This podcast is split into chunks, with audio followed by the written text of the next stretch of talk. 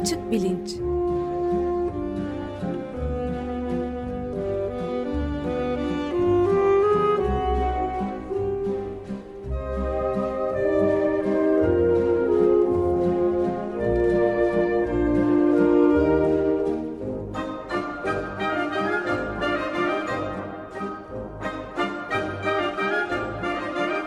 Güven Güzeldere ile bilim ve felsefe sohbetleri.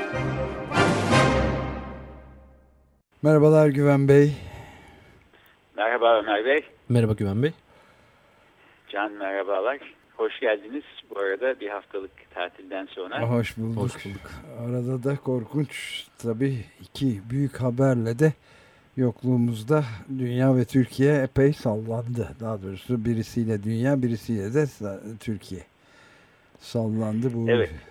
400 parçaca e, ulaşması psikolojik bir açıdan sadece karbondioksit emisyonlarının atmosferde e, milyonda 400 parçaca ulaşmasının aslında bir kimi medyada söylendiği gibi şey bir tarafı yoktu aslında. Yani bir sınırın aşıldığı anlamına gelmiyor. O sınır çoktan aşılmıştı zaten 350 orduların da söylediği gibi. Ama tabii çok yani şirketlerin hiçbir e, şey önünü alamıyor bu yeni yeni araştırmalar. Shell şimdi mesela hemen daha bu haber geldiği dakikalarda açıklamış ki 3 mil derine inecek e, şeyde. Evet. E, yani 2 mil mi nedir? Meksika körfezinde işte Oxford Üniversitesi de yeni araştırmalar için fon almış Shell'den. Böyle gidiyor dünya yani.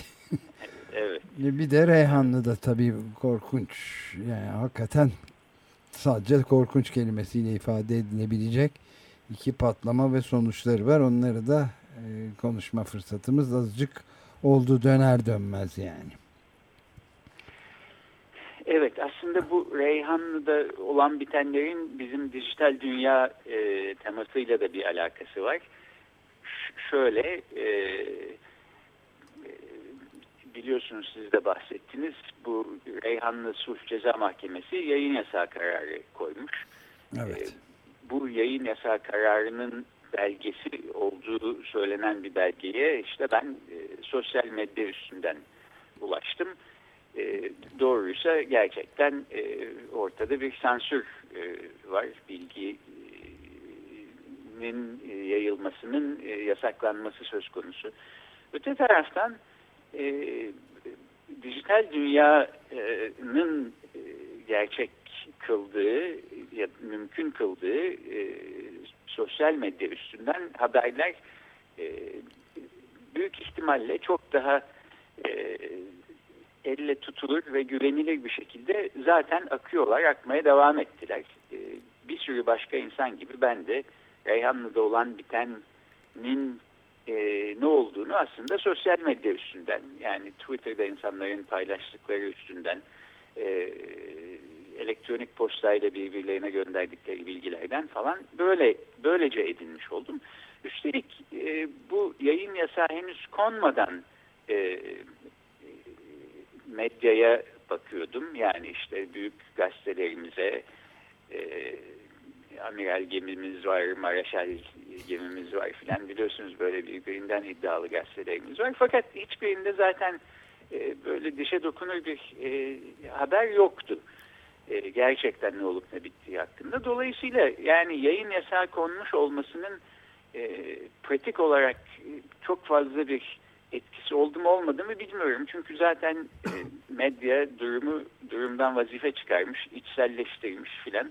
E, kendi sansürünü kendisi e, uygular gibi bir halde. Reyhanlı olayından e, benim gördüğüm bu doğrusu. Güven Bey bu noktada bir ekleme yapabilir miyim? Sözünüzü çok ufak keseceğim ama. Tabii tabii. Ee, ben de sosyal medyadan takip edebilme fırsatı bulabildim. Yani Reyhanlı'da neler olduğuna dair.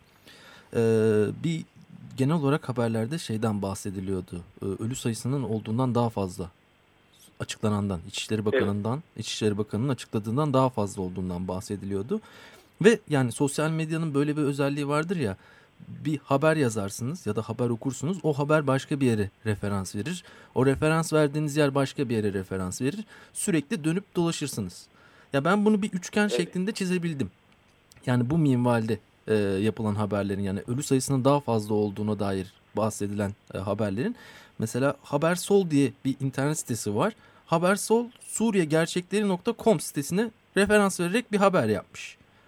Ölü sayısının daha fazla olduğuna bir gazetecinin de tutuklandığına dair bir haber yapmış evet. ve buradan almış haberi. Suriyegerçekleri.com Hemen sağ üst tarafta Beşer Esad'ın fotoğrafını görebiliyorsunuz e, internet sitesinde.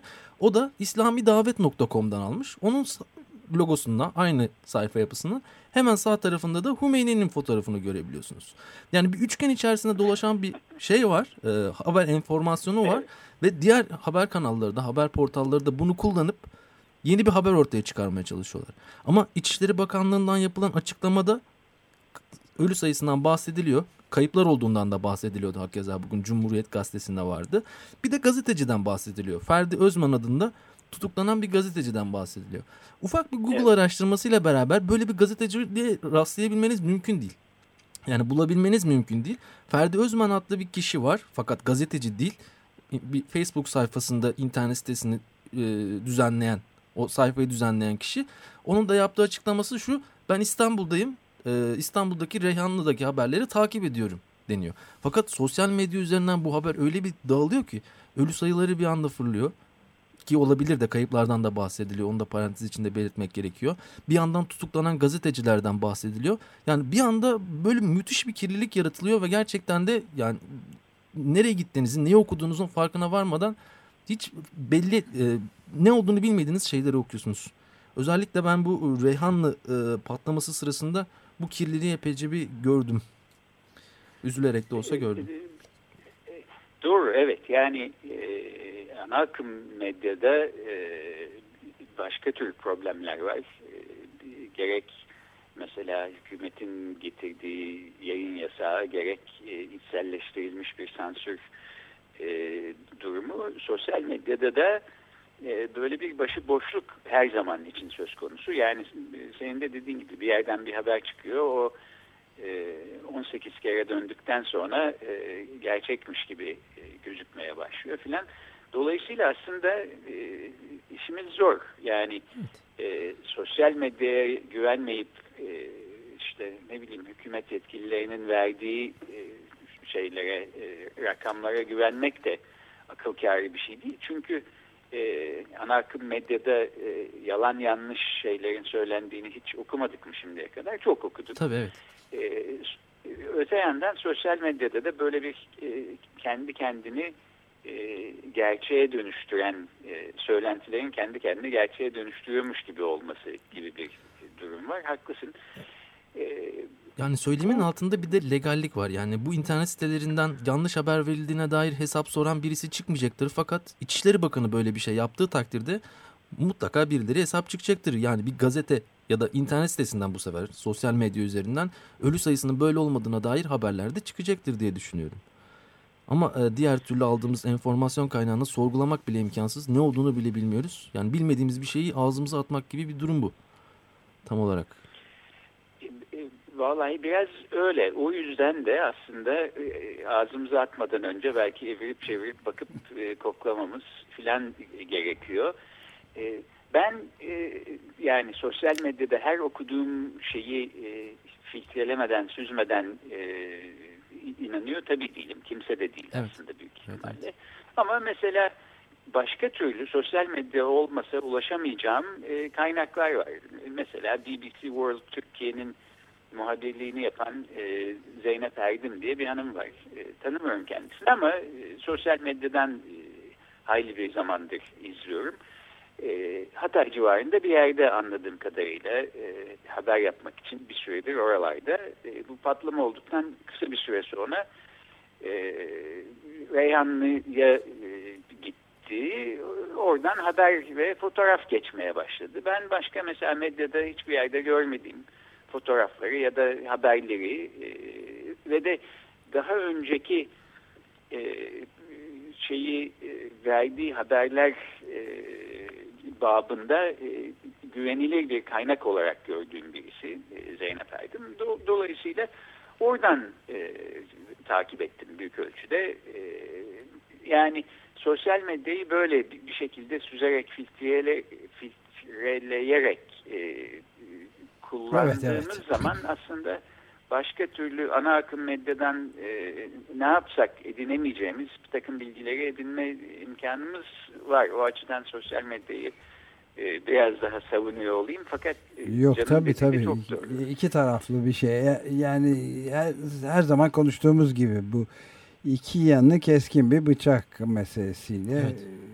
baş başayız. Biz de aynı şeyleri yapmaya çalışıyoruz bahsettiğiniz e, Zeynep Erdem'i biz de e, kısmen takip etmeye çalıştık ve aynı fikirdeyiz sizinle de yani.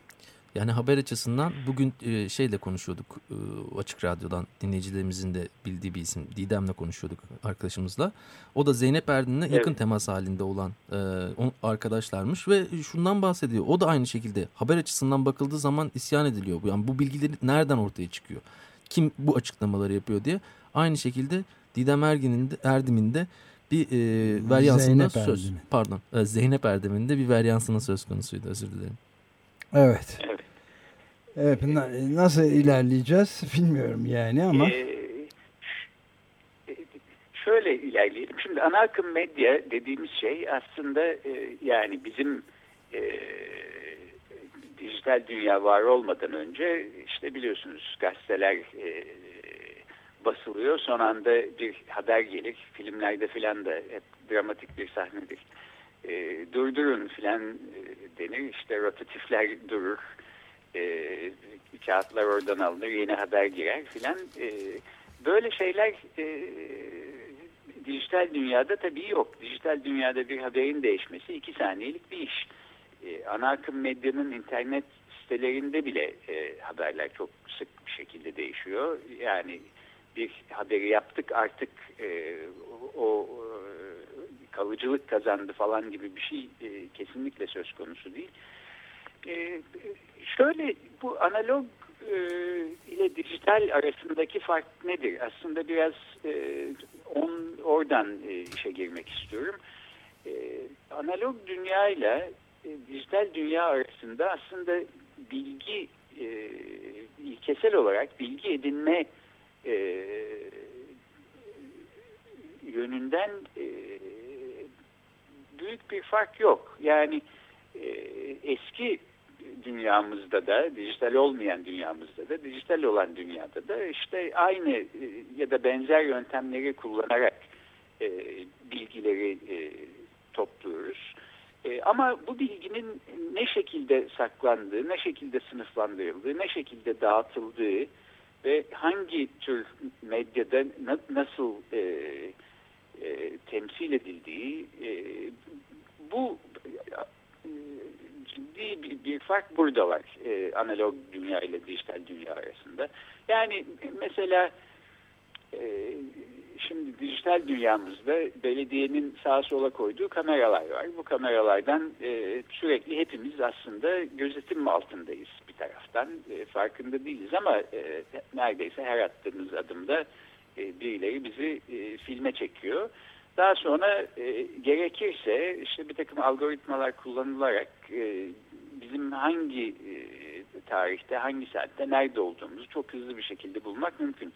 Şimdi eski dünyada da aslında yani bu kameraların olduğu yerlere insanlar birer e, 35 milimetre e, şeyle sinema kamerasıyla film çekecek insanları koysalar bu bilgileri yine toplayabilirlerdi.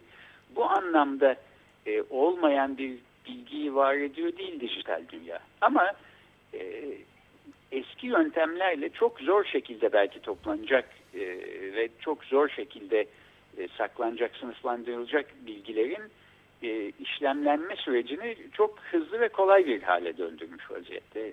E, her şeyde ilkesel farklar üstünden yürümüyor. Bu pratik fark aslında e, belki en önemli e, fark. E, şöyle bir örnek daha vereyim. Geçenlerde burada kütüphaneye gittim. Bu Harvard Üniversitesi'nin kütüphanesi çok büyük bir kütüphane. 20 milyon kadar falan kitap var içinde. E, bir kütüphane e, ağı. E, 15-20 tane değişik kütüphane e, binası var e, kampüsün değişik yerlerinde. Bunların içinde en büyük olanı ana kütüphanede 6-7 milyon tane kitap e, varmış. Aslında sahiden çok e, insana neredeyse huşu veren bir duygu. Yani bir binanın içindesiniz ve 7 milyon tane kitap var etrafınızda. Evet. E, rafların arasında dolaşırken e, bu 7 milyon kitabı da 7 milyondan daha fazla insan e, oturmuş yazmış yıllarca uğraşarak elemeyi göz nuru filan e, oralarda bekliyorlar. Siz kapağını açın da bakın filan diye. E, şimdi mesela e, merak ettim bu kitaplardan kaçında acaba İstanbul'un e, adı geçiyordur. E, bir, bir kısmında geçiyordur, bir, bir sürüsünde geçmiyordur. Ben bunları e, kendim oturup e, arayarak taramaya başlasam e, işte bir günde kaç tane kitap tarayabilirim? Baştan sona kadar bakacağım. E, endeksleri de olmadığını varsayalım. İşte belki 10 kitap, belki 15 kitap en fazla. E, içinde İstanbul kelimesi geçiyor mu geçmiyor mu diye diyelim kafayı buna taktım. E, şu, kabaca bir hesapla e, benim gece gündüz çalışarak e, bin sene falan geçirmem lazım. Bu e, yalnız bu kütüphanenin içindeki kitapların içinde İstanbul kelimesi geçiyor mu geçmiyor mu diye bakmam için. E, bin sene az bir zaman değil. O kadar zamanınız olamayabilir. Evet. E, e, evet sonuna gelebilecek e, gibi gözükmüyor e, şey öyle başlarsak. Öte yandan e, aynı bilgiler dijital olarak e, saklanıyorsa bir yerde yani diyelim kitaplar tarandı daha sonra e, bir bilgisayarın içinde dosyalar olarak saklanıyor. E, bu taramayı yapmak işte birkaç dakikalık bir iş. E, yani bir tanesinde bin seneden bahsediyoruz öbür tarafında birkaç dakikadan bahsediyoruz. Bilgi aynı bilgi olduğu halde burada asıl e, fark e, bu bilginin ne şekilde sınıflandırıldığı, saklandığı, e, ve ne şekilde işleme tabi tutulduğu e, üstünde. Şimdi burada şöyle ilginç bir şey var. E, e, bu big data denilen e, büyük data ya da büyük veri denilen mesele bununla çok alakalı. E, eskiden de olsa belki toplayabileceğimiz ama toplamak toplamak çok zahmetli olduğu için toplamadığımız türde bilgiler dijital dünyada toplaması kolay olduğu için toplanıyorlar. Ee, yalnızca işte kitapların içindeki bilgiler değil bunlar. Ee, her kredi kartımızı kullandığımız zaman e, hangi noktada neredeydik, e, ne aldık, kaç para verdik bunların bilgileri de toplanıyor bir yere gidiyor. E, işte kameralar e, Cihangir'den Taksim'e doğru yürürken e, hangi saatte nereden geçtik onlar da bunu topluyorlar. E, böylece inanılmaz bir bilgi dağı aslında söz konusu. Fakat elimizde bu e, bilgi dağını çok hızlı bir şekilde tarayacak bir madencilik teknolojisi olduğu için data madenciliği denen şey böyle bir şey. Ve bu bilgilerin içinde e, alakalı olabilecek e, kalıpları, patenleri bulup çıkartmak e, çok hızlı bir şekilde yapılabilecek e, algoritmalar sayesinde e, bir şey olduğu için e, dijital dünyanın getirdiği en önemli yenilik bana buymuş gibi gözüküyor. E, mesela e, Amerika'daki son zamanlarda çıkan bir haber bu. Kredi kartı veren şirketler ve bankalar e, insanlara e, kredi kartını vermeden önce e, ne kadarlık bir kredi açacakları konusunda bir şeyde bir yargıda bulunuyorlar. E, şimdi bu şirketlerin e, amaçları şu sizi e, aslında borçlanabileceğiniz e, en yüksek limite kadar borçlandırmak. Çünkü e, borcunuz üstünden inanılmaz büyük bir faiz ödüyorsunuz ve o şekilde e, para kazanıyor bu şirketler. E, ama öte taraftan bunu yaparken e, minimum risk altına girmek. Yani ödeyemeyeceğiniz paralar mertebesinde bir kredi limiti size açmamak. E, sürekli bunun hesabı yapılıyor. Bunun hesabı nasıl yapılıyor? İşte kaç para kazanıyorsunuz, kaç para harcıyorsunuz filan. Bu bilgiler, bu bilgi dağının e, içinden çekilip alınıyor ve her e, şahsın, her bireyin mali, finansal durumu hakkında işte bir, bir takım analizler kendisinden e, habersiz olarak yapılıyor. Buradaki parametrelerden bir tanesi e, insanın finansal olarak ne tür bir risk arz ettiğine dair parametrelerden bir tanesi. Mesela evli olup olmamasıymış. E, istatistiksel olarak baktığınızda evli insanlar e, daha güvenilir e, imişler yani kredi borçlarını ödemek konusunda. E, bekarlar ya da boşanmış insanlar e, daha riskli bir grup oluşturuyorlarmış. E, şimdi bunu tabii göz önüne e, alıyorlar e, kredi limitinizi belirlemeden önce bu şirketler. Fakat mesela diyelim evlisiniz ona göre bir limit açmışlar ama boşanabilirsiniz. E, boşanıp boşanmayacağınızın ya da boşanmak üzere olup olmadığınızın da aslında analizini ve hesabını yapıyorlar. Nasıl yapıyorlar? E, vallahi bu e, işte data mining denilen, e, data madenciliği denen e, e, algoritmalar sizin harcama e, alışkanlıklarınızdaki değişikliklere ve oradaki paternlere bakarak e, boşanmaya doğru gidip gitmediğiniz hakkında e, bir öngörüde bulunuyorlar. Evet. Ve sosyal psikolojinin şimdiye kadar beceremediği e, derecede e, güvenilir bir öngörü mekanizması geliştirmiş vaziyetteler. Yani buradan baktığınız ee, zaman biraz garip. Boşanan insan ne satın alır diye düşündüğünüz zaman benim aklıma pek bir şey gelmiyor açıkçası. Vallahi nasıl boşandığına bakar. Can kimisi gider e, bir şişe şampanya satın alır, kimisi evet. filan. E, Artık o yat, neyse, yani yatı satın şöyle, alma zamanın geldi. E, şöyle ilginç bir şey var e, insanlar kendileri bile aslında e, diyelim bir sene sonra boşanacaklar. Fakat bir sene öncesinden bunun farkında değiller. Yani bir takım şeyler belki iyi gitmiyor falan ama sorsanız e, bir sene sonra evli mi olursunuz yoksa boşanmış olma ihtimaliniz var mı diye. E, yok canım boşanmayı düşünmüyorum diyecek insanlar e, bile kendileri habersizken bir sene sonra başlarına ne geleceğini e, bu data mining sayesinde bu algoritmalar bunun hesabını kitabını yapıyorlar ve mutlak bir doğruluklu olmasa da e, e, yüksek ihtimallerle bunu bilip e, önceden kredi kartı limiti e, limitlerini ona göre düşürüyorlar ya da ayarlıyorlar filan. Tüketim alışkanlıklarınıza göre ee, yapıyorlar bunu değil mi? Yani herhangi bir sosyal profilinize göre size bir kredi koymaları gibi bir şey belki yakın gelecekte söz konusu olsa bile şimdi mümkün değildir diye düşünüyorum. Öyle bir şey var mıdır bilmiyorum ama. Benim kendi deneyimimden gördüğüm kredi kartı şirketleri sizin kredi limitlerinizi ayarlarken hiçbir açıklamada bulunmuyorlar. Dolayısıyla aslında burada bir bilinmezlik var. Yani bir gün bir mektup gelebiliyor evinize. İşte kredi kartı limitinizi 2000 dolardan 4000 dolara çıkarttık da diyebiliyorlar. 2000 dolardan 1000 dolara indirdik de diyorlar. E, ama bunu indirir ya da çıkartırken şu sebeplerden bu karara vardık denmiyor. E, dolayısıyla işin o tarafı biz e, kredi kartı kullanıcıları açısından tamamıyla karanlıkta.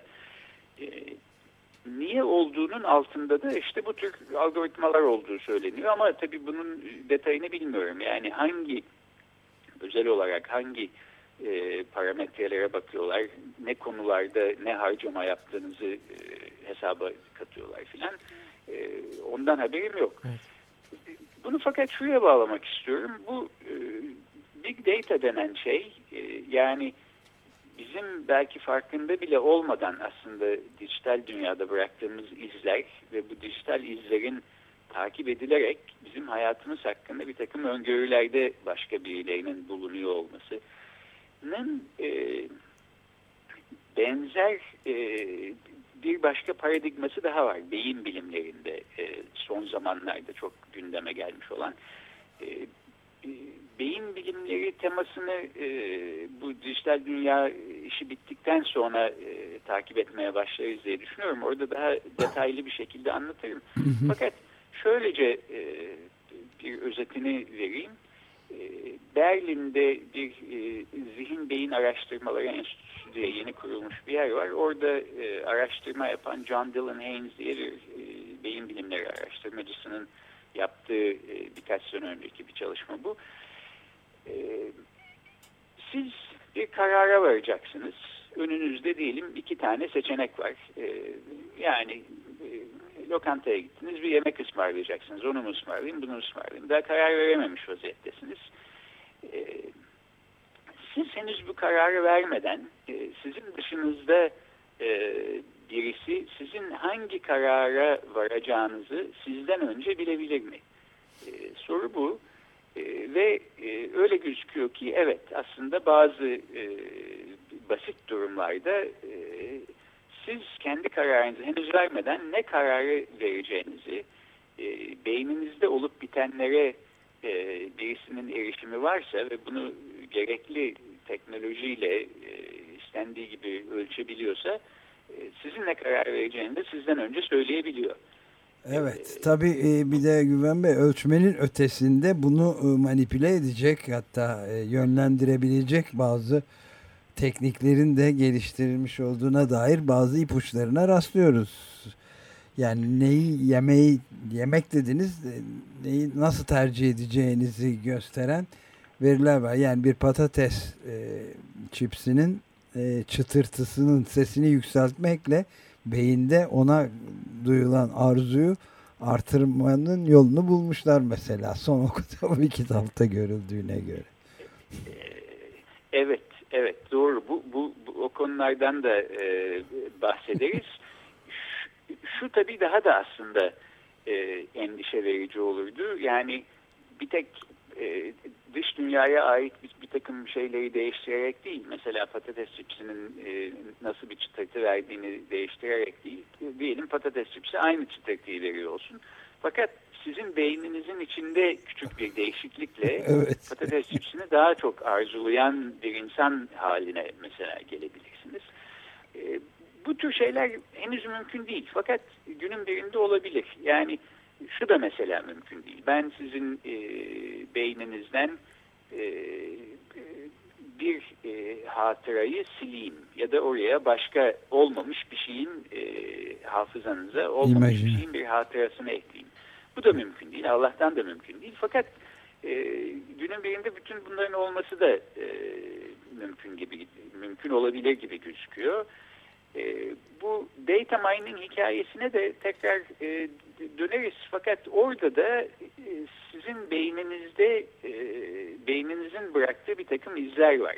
Bir takım hesaplama süreçlerinden geçerken bunlar bilinç dışında var olan izler. E, siz ya e, şunu mu ısmarlasam bunu mu diye hala düşünmekte e, olduğunuzu sanırken aslında beyninizde bir takım e, süreçler karar mekanizmasını başlatmış e, bulunuyorlar ve böyle 5-6 e, saniyelik bir pencere aralığında yani 5-6 siz hangi karara vardığınızı bilinçli olarak e, anlamadan 5-6 saniye önce bu e, beyninizdeki izleri takip edebilen bir teknoloji size aslında 6 saniye sonra şu kararı verecek diyebiliyor. Ve siz de sayeden 6 saniye sonra o kararı vermiş oluyorsunuz. Evet. Sonra da şaşıp kalıyorsunuz. Birisi bak ben 6 saniye önce bunu bilip buraya yazmıştım. Evet olabilecek zaman, en tuhaf durumlara doğru gidiyoruz.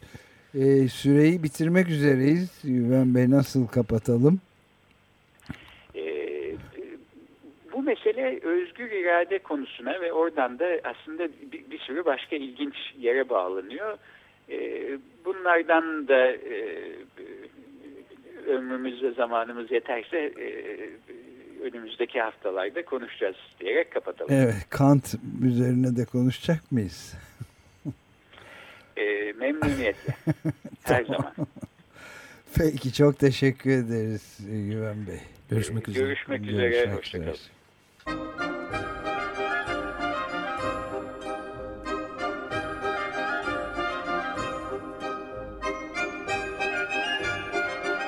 Açık Bilinç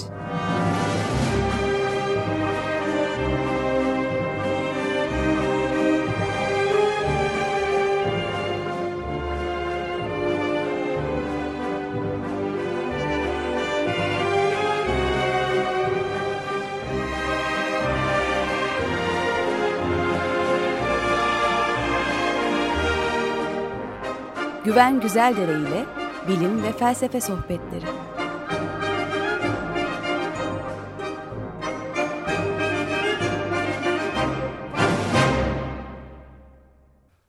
Açık Radyo program destekçisi olun. Bir veya daha fazla programa destek olmak için 212 alan koduyla 343 41 41